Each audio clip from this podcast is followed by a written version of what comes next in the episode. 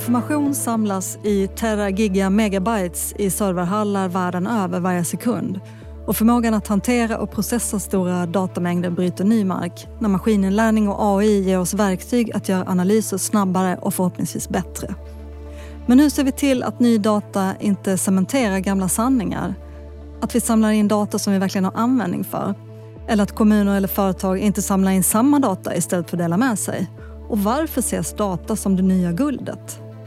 I det här avsnittet ska vi prata om data inom stadsbyggnad, hur vi kan jobba datadrivet för att snabba på omställningen till ett hållbart samhälle och hur information kanske inte alltid är neutral eller opolitisk även om den fångats in av en sensor. Välkommen till Arvidsson Talks. Jag heter Chris Jonsson Jones. Den här gången har jag pratat med en av mina favoritforskare, Shannon Matton, som är professor i antropologi på University of Pennsylvania och har skrivit en hel mängd intelligenta saker om bibliotek, om offentliga rum och om smarta städer. Hon skriver bland annat artiklar i Places Journal, det var där jag upptäckte henne, och är kanske mest känd för sin bok A city is not a computer. Det som Shannon Matton framförallt kan är att beskriva vad data kan betyda för staden och vad den inte kan betyda. Men innan vi lyssnar på Shannon vill jag säga hej och välkommen till Therese Balksjö. Hej! Eh, Therese, du kommer från RISE, Research Institutes of Sweden och jobbar där med hur kommuner kan bli bättre på att hantera data. Kan du beskriva lite din roll på RISE och eh, vad du jobbar med där? Ja, först och främst, RISE är ett statligt ägt forskningsinstitut och vi bedriver en mängd olika eh, typer av forskning inom massor av olika domäner. Jag jobbar på en enhet som heter Uppkopplat samhälle. Och jag jobbar idag väldigt mycket med kommuner. Och bland annat så driver jag tillsammans med eh, kollegor ett eh, projekt som heter Smart City Lab. Där vi hjälper kommuner i att öka sin förmåga till att samla in, hantera, dela och göra bästa nytta av sin data. Ja, men om, vi, om vi kastar oss in i det krångliga direkt, då, vad är svårast för kommunerna och vad finns det för hinder för digitalisering på bred front inom kommunal sektor? Ja. Och jag skulle säga att digitalisering är ju ett jätteord. Vi jobbar ju framför allt med det här med datahantering. Och det är ju på sätt och vis en, en grund för digitalisering, men digitalisering kan vara så mycket mer än så. Mm. Men vad gäller datahantering så skulle jag säga att det absolut svåraste för en kommun är att kommunen är som organisation så komplex och eh, uppdelad i så många olika verksamheter med väldigt enskilda uppdrag och väldigt enskilda budgets och kulturer i många fall och traditioner. Eh, så det är svårt att få en överblick. Och det betyder att det skapar silos. Och så även med datan. Mm. Att eh, det blir helt enkelt siloverksamheter. Så man kan inte samlas och samarbeta. Eh, man kan inte se övergripande behov. Eh, och man kan inte ofta ta då gemensamma investeringar för att underlätta det här med datahantering. Och Eh, du ser oftast inte vilken data som samlas in i en annan del av verksamheten till exempel. Och vår kommunallag gör ju så att en kommun har så stort eget ansvar. Alla kommuner har samma ansvar, mm. men det är svårt att samarbeta och lära av varandra. Man kan tycka att eftersom alla kommuner också har samma utmaningar så borde vi kunna gå samman ja. och lösa många av de här utmaningarna på nationell nivå. Eh, men det är svårt att göra för det finns inte en nationell aktör på plats som kan hjälpa till och stötta och som kan peka med hela handen för kommunen och säga det är hit ni ska gå, ja, det är så här ni ska mm. göra. Så du menar alltså att man inte delar data mellan förvaltningar till exempel? Precis, så menar jag att oftast så har man egna system inom sina respektive förvaltningar. Eh, det finns ingen möjlighet att eh, automatiskt dela data eller få en överblick över vilken data som faktiskt finns. Eh, så allt sker oftast manuellt. Det kräver att du, att du går över din, din silo. Det kräver att du försöker nå ut och kanske gör någonting som inte vanligen ingår i ditt uppdrag. Mm. Vi brukar prata om gränsgångar, att det är Ja. någon som liksom behöver ta den där rollen och kanske göra någonting utöver sitt uppdrag för att du ska kunna eh, ta del av vad andra verksamheter gör till exempel. Mm. Alltså det blir ganska personberoende då om det funkar Ja, det- inte. Mm. Precis, och när det handlar om just datahantering, vi pratar ganska mycket om IoT-data. Säg vad du menar med det. Mm. Ja, Internet of things, alltså sakernas internet på svenska. Oftast så handlar det om sensorer, uppkopplade sensorer som mäter någonting och sen kan automatiskt skicka vidare datan. Mm. Sen kan det ju också handla om eh, att sensorer kan prata med varandra eller att du också kan styra med eh, aktuatorer som gör någonting åt dig. Så det är en form av liksom kommunikationsnät Okej. av Mm. saker. Mm. Och i Sverige, så när det gäller kommunal sektor, så har vi bara börjat skrapa på ytan eh, kring vad man kan göra med den, Okej. den typen av data. Ja, för det, för det känns ju som att man pratar ju väldigt, väldigt mycket om detta så det känns ju som att det är väldigt stort och väldigt mycket men, men vi är inte riktigt där ändå eh, enligt dig. Nej, vi, jag skulle absolut säga att eh, vi är bara i början. Vi ser många eldsjälar ute i kommunerna som provar på, som testar. Vi har ett antal lite större kommuner som jobbar i piloter med den här formen av automatisk datainsamling. Men jag skulle säga att det är ganska långt ifrån att vi kan skala och att vi faktiskt kan göra nytta av den här datan. För att vi har inte löst problematiken med att hantera data och paketera data i format som du kan dela med fler. Det. Mm. Eh, Så det betyder att datan oftast blir inlåst i någon form Mm. Och den kan inte delas med andra. Och då, jag, man brukar prata om att data är det nya guldet. Och jag tycker det, det kommer ju delvis från USA. Man pratar om att man kan göra pengar av data exempelvis. Företag kan samla in data. Mm. Mm. Jag ser nästan en annan definition på att data är det nya guldet. För att det är så svårt att få tag på data. Så det är som att man, när man väl har fått den här datan så blir den så upphöjd. Och eh, den blir så värdefull. Så lite kopplat till eh, Shannon som vi ska lyssna på sen. Att man försöker att göra nytta av, av data kanske på lite fel sätt. Ja, ja. Mm. Man försöker att använda den datan så att det blir som ett svar på en fråga som den egentligen inte svarar på. Ja.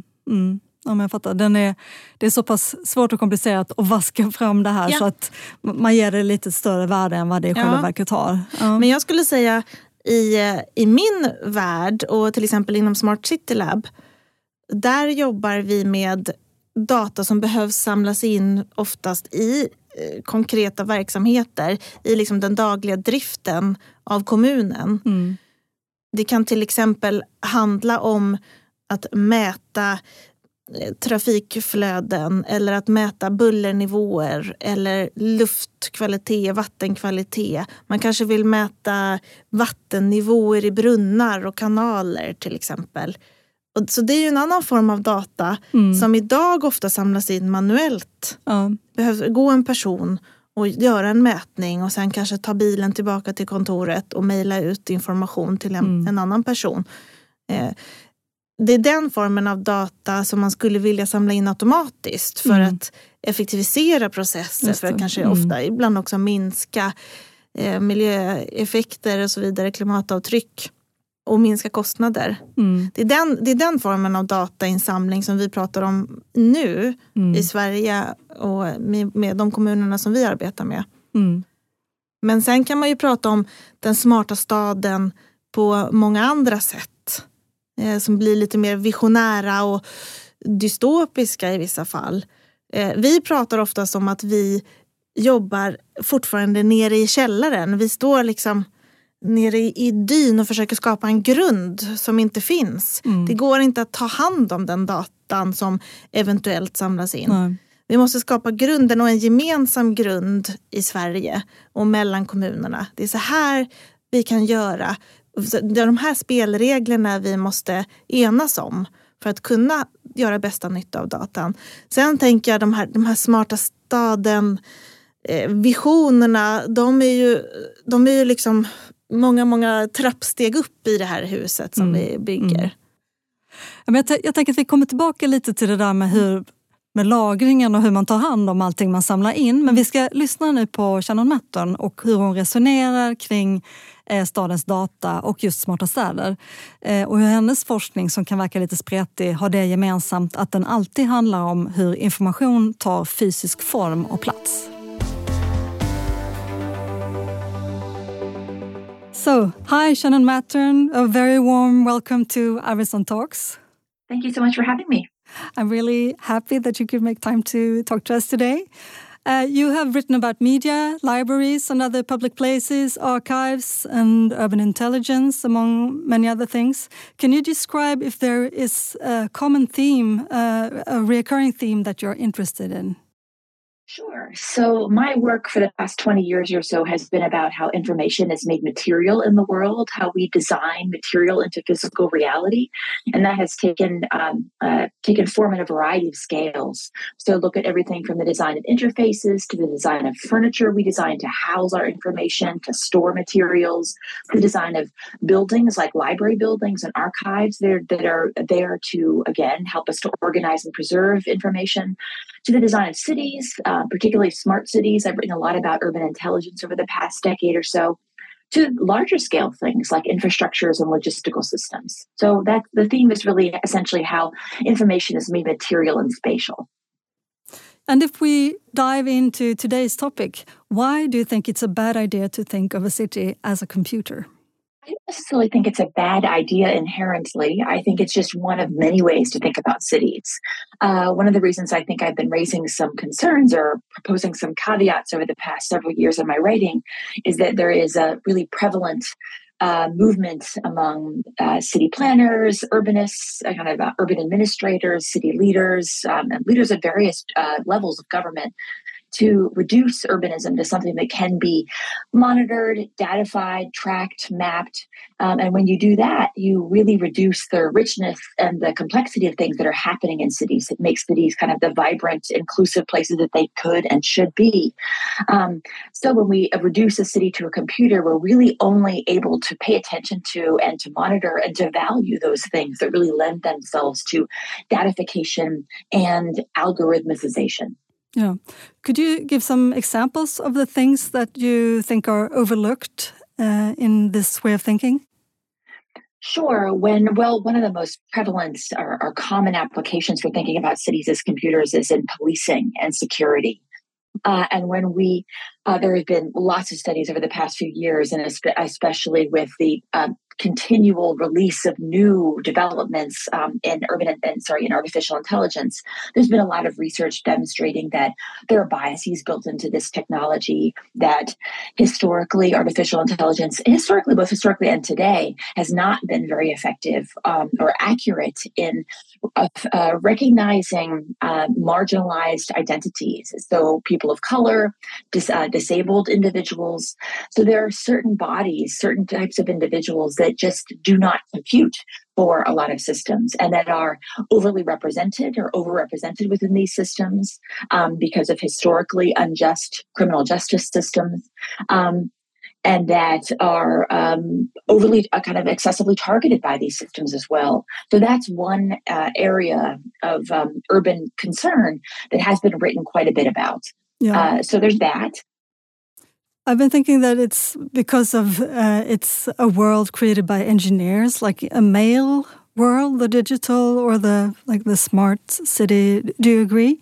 Yeah, that's certainly part of it too. And this is again a debate that extends well beyond urban applications. When we look at the use of technologies in education, healthcare, and urban planning, which is your primary concern, lots of people have again made this offered this critique that the the people who are working in Silicon Valley and other tech sectors, the who is represented there, it's typically their experience, their desires that are then manifested in the technologies they put out into the world.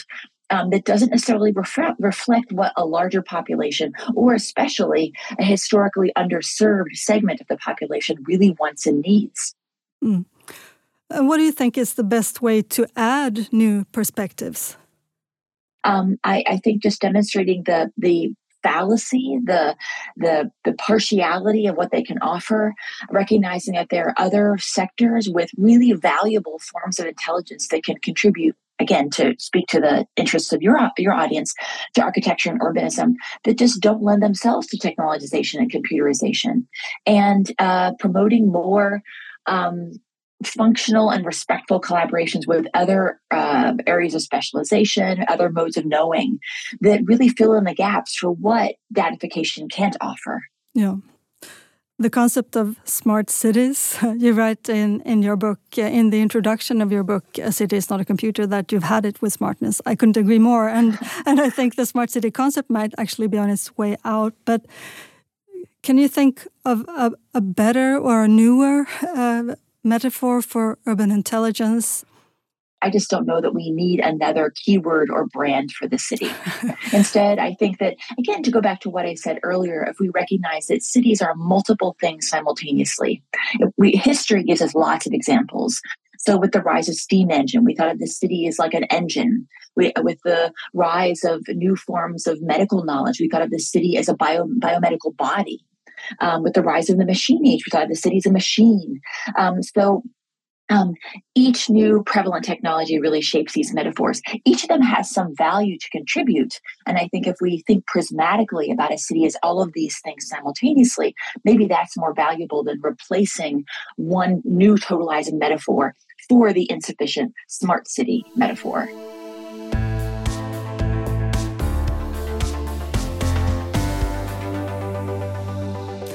Shannon Matton är alltså skeptisk får man ju säga till idén om smarta städer eller just den här visionen som du pratade om Therese. Mm.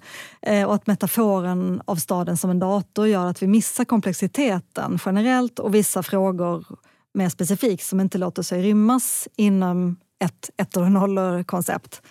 Vad säger du Therese, håller du med om någonting av det Shannon säger? Ja, absolut. Jag tycker själv att begreppet smarta städer är jättesvårt. Och jag tycker inte att det finns en tydlig definition.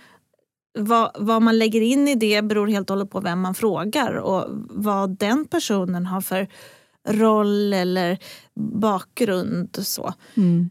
Och vad jag skulle vilja säga att det som Shannon uttrycker det handlar ju snarare om någonting som är ett liksom, problem eller en utmaning i all form av forskning och utveckling. Det här hur man kan bevisa sin tes. Alltså vad är det man faktiskt ska mäta? Just det. Mm. Vad är det som är svar på den faktiska frågan som vi utforskar? Mm. Och det är ju en svårighet i, i all form av utveckling.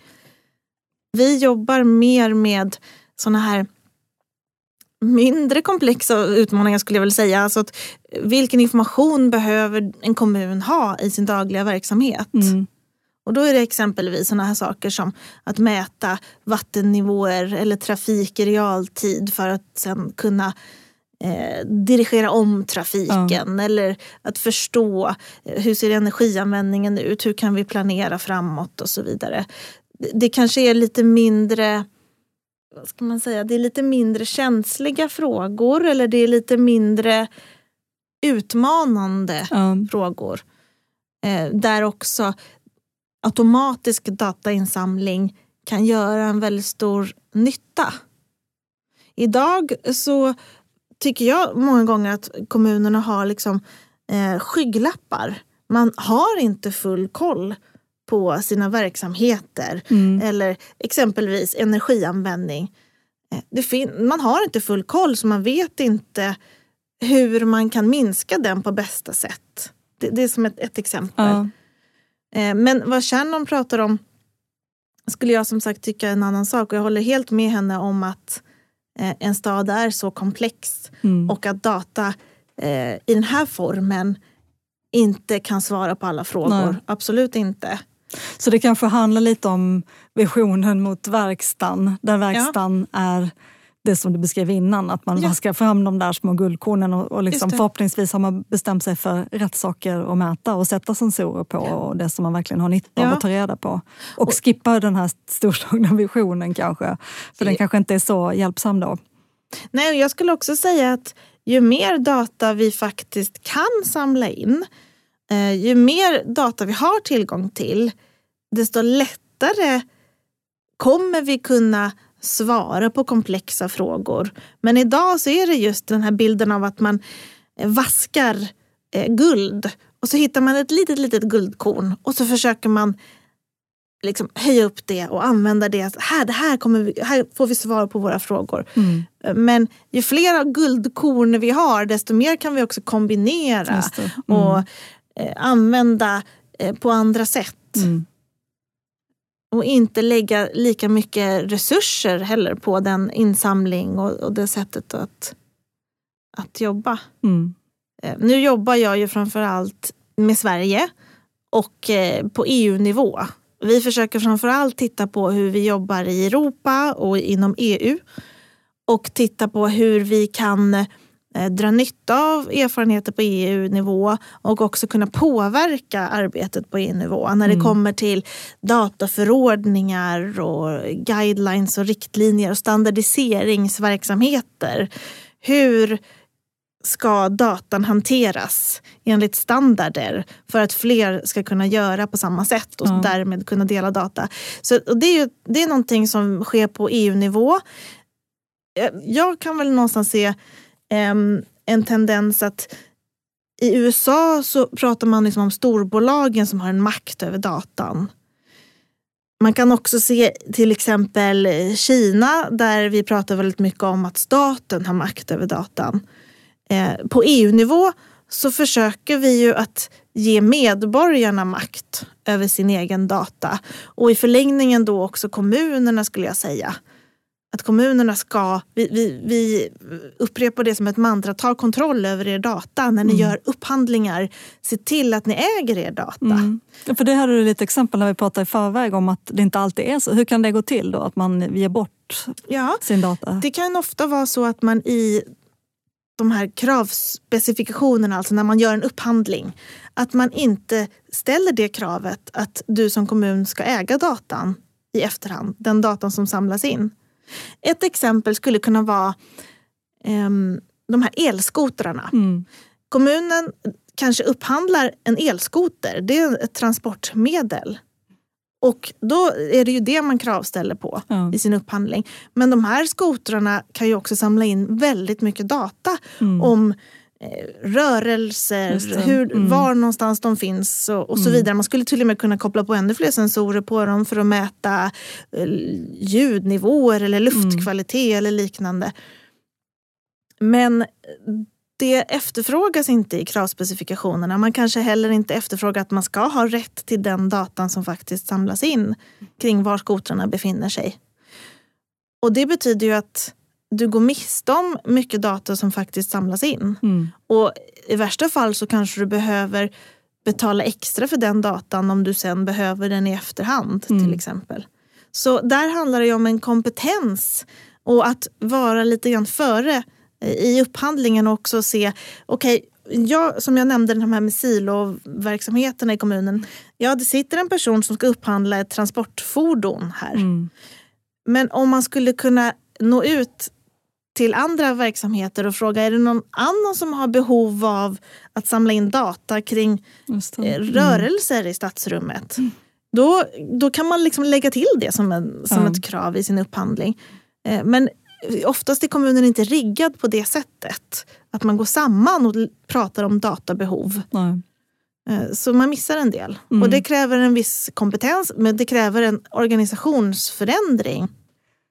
Var befinner vi oss, skulle du säga, när det gäller datainsamling och hantering i offentlig sektor? Jag har liksom en bild av att vi tidigare tyckte att bara alla arkiv omvandlats till en pdf så var man liksom en digital spjutspets. Det vill säga mycket snack och lite faktisk skillnad i arbetssätt. Var befinner vi oss idag? Ja, men vi kanske befinner oss på pdf-stadiet då. Det är så fortfarande? Ja, absolut. Jag skulle säga att kommuner, egentligen oavsett storlek, så är det fortfarande en stor utmaning. Det här att hantera och kunna använda sig av data. Alltså göra bästa nytta av data. Det är fortfarande svårt. Det kräver väldigt mycket manuell handpåläggning. Ett exempel är ju att kommuner behöver rapportera in all möjlig form av data till myndigheter. Mm.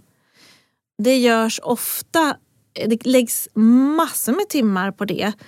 Eh, där kommunanställda behöver sitta och försöka samla in data genom mail eh, eller telefonsamtal. Och att det behövs rapporteras in den här datan in i, i portaler eh, hos myndigheten. Det skulle kunna göras på ett mycket mer effektivt sätt. Det finns exempel i andra länder där du som myndighet bara får fråga, eller myndigheter får bara fråga en gång om en viss data. Mm.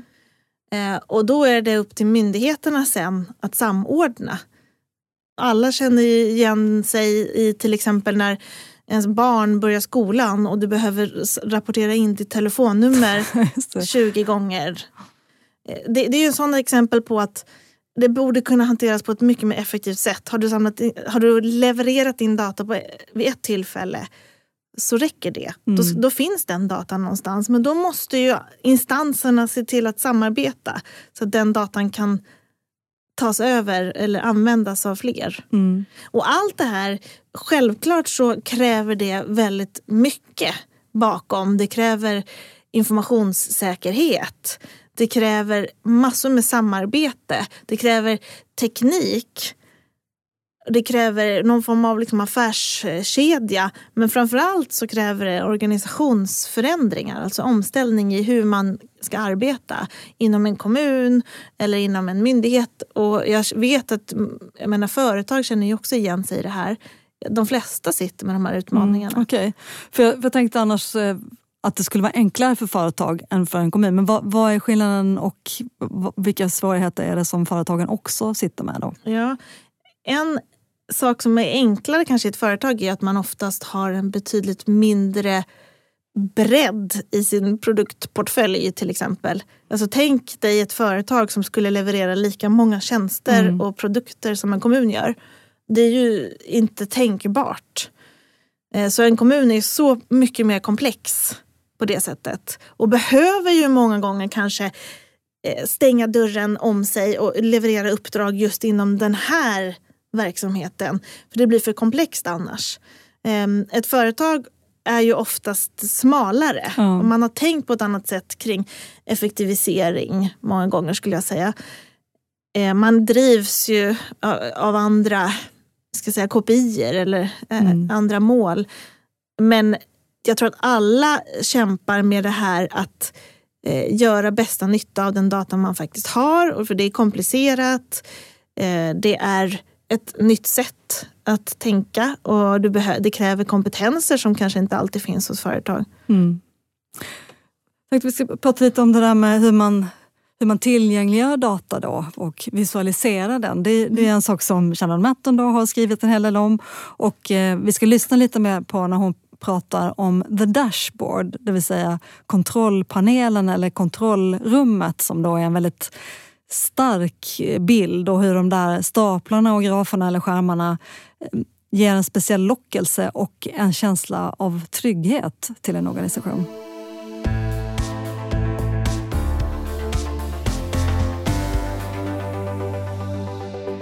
You have made me think a lot about the dashboard, which I don't think I've ever done before. Uh, can you give us a short description of the attraction of the dashboard? So it's this this architectural manifestation of intelligence, uh, a, a building, a room just lined with screens that offer any conceivable feed of trackable urban uh, operations or processes, traffic, weather, um, uh, financial data, um, uh, water, energy uh, use and production, for instance. So again, it's uh, it might seem totalizing, it might seem incredibly impressive that we're able to monitor so many different urban feeds simultaneously. But again, we have to wonder what's left out. What doesn't lend itself to representation through a bar graph, a chart, a map, for instance? It's all those types of urban intelligence things that matter that leak out that don't lend themselves to that mode of visualization. So there's something really appealing about the dashboard because it does give us this sense of um, I guess, a peaceful uh, or reassurance that this is really all you need to know to have a handle on what's happening, and also a, a hubristic sense of a totalizing vision. that we have compressed into one screen, multiple widgets compressed into this one screen for you that really gives you a pretty comprehensive view of everything you need to know about what's happening in a city to monitor its well-being, its health, its efficiency, etc. What do you think are the shortcomings of the dashboard? So the shortcomings go back to something we talked a bit about earlier, including the fact that there are certainly some things that really matter, or, excuse me, matter in a city that don't lend themselves to uh, traditional forms of data visualization that won't fit into a widget on a dashboard. So all those um, historically uh, contextualized, really uh, fraught things that are kind of uh, the the um, product of multiple convergent qualitative variables that don't readily lend themselves to transformation into a map or a chart or a graph or a feed or a ticker stream, for instance. Those are the types of things that that um, aren't going to be represented on a dashboard in a readily digestible form. So that's one of the dangers. So by loading up with intentional, often in many cases, intentional information overload on a seemingly comprehensive screen, it gives us a false sense of complacency, a false sense of of um, of omniscience, uh, of totalizing vision. Yeah. You're right that the dashboard can promote data driven approaches to leadership. I think that is a dream come true for many decision makers. But why do you think that's a problem? So, yes, absolutely. Having um, data to back up any decision is something that a lot of urban administrators, um, people in the in the press, for instance, many leaders in various sectors are aspire to. Um, there is something really appealing and I think responsible about having empirical evidence to be able to show the the number crunching that went behind any type of administrative decision. This is all well and good. But again, going back to what we were talking about before, there are certain things that data can't tell us. We could probably think of other applications in urban areas too, uh, health, policing, and for instance, there are certain um, yeah numbers that are always going to be big that are always going to attract our attention which really leaves the tiny numbered populations underrepresented and under resourced mm. and i have been thinking about this power of data that it's hard to compete or debate with that data tells the truth right? Do you have any suggestions in how to talk about urban intelligence in a nuanced way without coming across as like an ai skeptic or moralist I think it might just be a matter of what people in methodology call triangulation, kind of showing that there are multiple ways to understand a phenomenon, both quantitative. I think I don't necessarily want to um, devalue the, the contributions that data driven methodologies can offer. There is a lot that they can present. In many cases, though, uh, one thing that some qualitative researchers are doing is using data driven approaches to find where the hot spots are, where there are, where a map or um, a chart a data visualization might show you that there's an interesting juxtaposition. So, uh, where there are uh, interesting border zones that are kind of inexplicable. Um, and then you send in researchers to do more on the ground qualitative research, ethnography, talking to people, interviews, for instance. So again, there are so many um, potential forms of unintentional exclusion that come in when we draw when we rely on digital forms of data collection and we reduce the understanding of urban phenomenon to quantifiable variables. Uh, can you give us some ideas or examples for a digitized community really working with social and ecological challenges? There are multiple layers of challenges, everything from over or underrepresentation of different communities to just being able to get on the internet for one thing. So there, it's because there are so many levels of technical challenges to grapple with. I'm not sure that I have any utopian examples for you. Another another possible, I wouldn't say solution, but um, useful introduction or application in this this larger context of how to make things better is uh, looking to institutions who have done made valiant efforts and do embody values that are very different than what you might see in a commercial extractive tech sector for instance. Um, but looking to libraries as a buffer institution, as an institution that has made a lot of really valuable contributions to thinking about um, effective, responsible, delimited, um, humble uses of technology that actually take into consideration the needs of various communities. Public libraries in the United States, and again, I know throughout Scandinavia, has served as uh, multi generational or cross generational pedagogical sites to help people understand the use of technologies in their communities. They've been the home to things like civic data sets, public data sets. They have been where there have been public forums before the introduction of new types of urban technology so that people can both understand what's coming and maybe resist or reject if we think again capaciously about what constitutes urban intelligence. I think a library has historically been exemplary in recognizing that there are multiple forms of knowing, multiple ways of knowing that are valuable and deserve elevation and preservation. So that's an institution that I would encourage us to support as well as we can. Um, and to look to for examples of how to do technology responsibly. Thank you so much, Shannon Mattern. I'm really happy you took the time to be on our podcast. And I will definitely keep looking out for your work on Places Journal and elsewhere. Thank you so much. It's been a pleasure to speak with you too.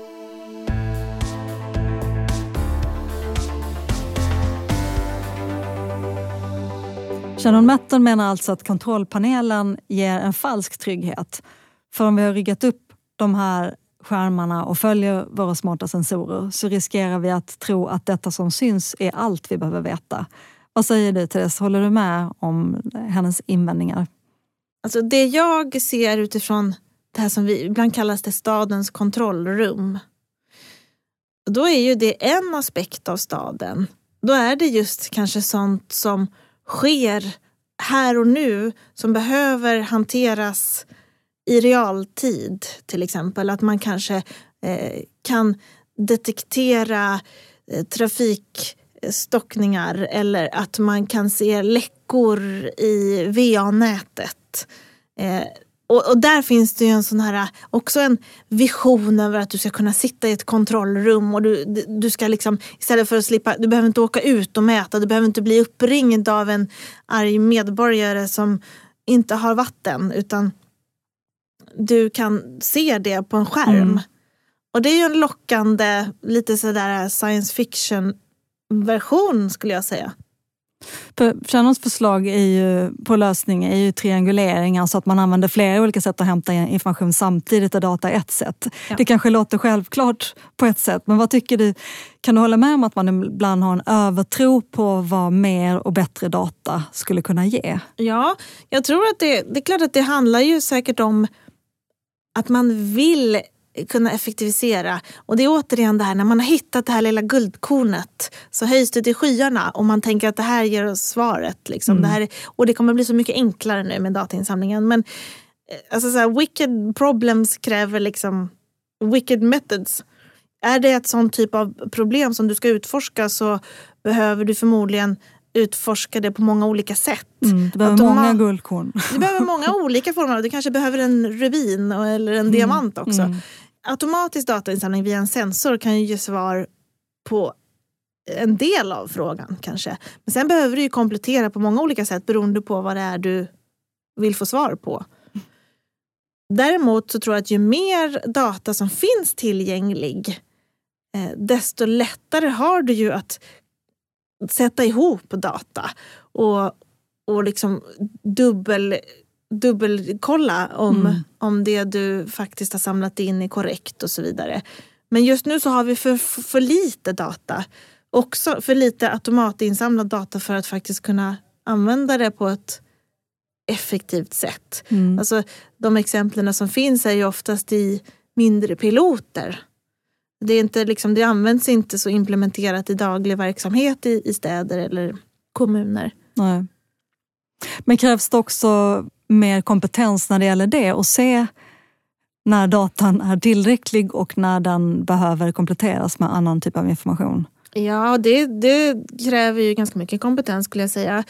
Det kanske kan vara en skillnad att städer och kommuner står ju inför till viss del större utmaningar idag både liksom, lokala utmaningar eller också globala utmaningar i form av liksom, miljöförändring eller klimatförändring och så vidare.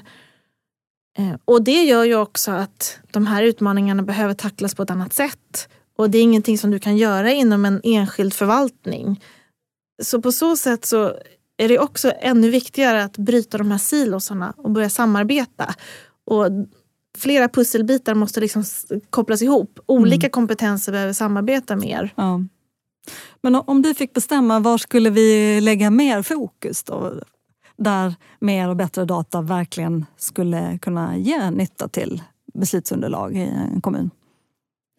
Jag skulle vilja att det fanns ett tydligare nationellt stöd för kommunerna att hantera den här frågan och att öka sin förmåga. Mm. Vi i vårt projekt Smart City Lab så försöker vi att hitta en långsiktig lösning. Eh, vi samarbetar med en mängd olika aktörer som jag nämnde tidigare också. Eh, där vi ser att alla behöver samarbeta, alla behöver dra sitt strå till stacken. Mm. Det är ingen enkel fråga men idag så finns det ett glapp mellan de kraven som ställs på kommunerna mm. och vad de faktiskt mäktar med att hantera. Mm.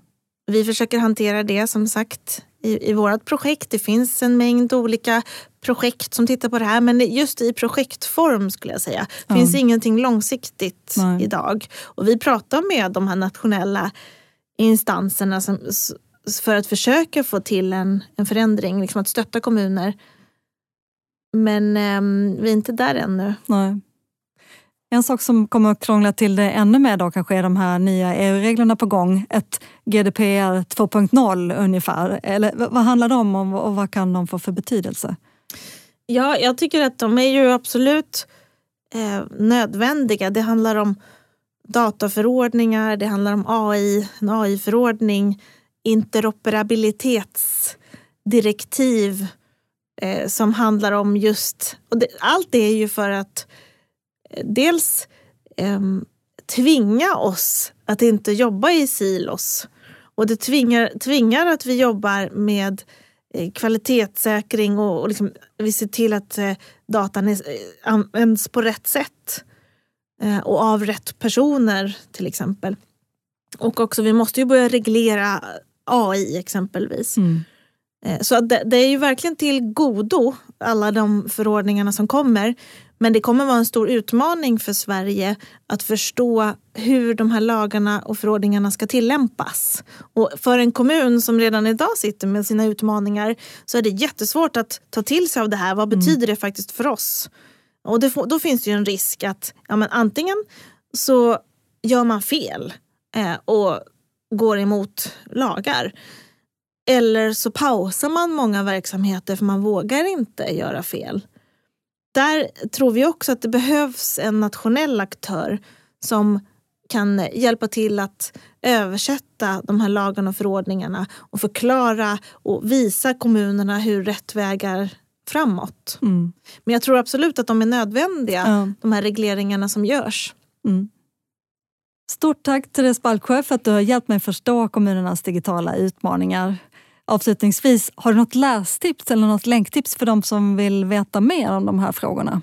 Om man vill läsa mer om Smart City Lab så kan man gå in på RISE hemsida ri.se och söka där. Mm. kan man läsa lite mer. Vi kommer också komma ut med en hemsida med ännu mer tips och verktyg och länkar till inspirerande exempel ute i kommunerna eller på nationell nivå till mm. exempel. Mm. Sen tycker jag att Sundsvalls kommun är en inspiration. Eh, och de har en, en hemsida som man kan gå in och läsa på som mm. du mm. kan dela länken till. Ja. På arbetssonstiftelsen.se finns eh, länkarna som Therese pratar om till RISE projekt, Smart City Lab och eh, Sundsvalls goda exempel och även till Shannon Matterns artiklar. Tack för att du har lyssnat. Följ och gilla gärna podden i din poddspelare så ser du när det kommer ett nytt avsnitt. Stort tack Therese. Hej då. Tack så mycket. Hej då.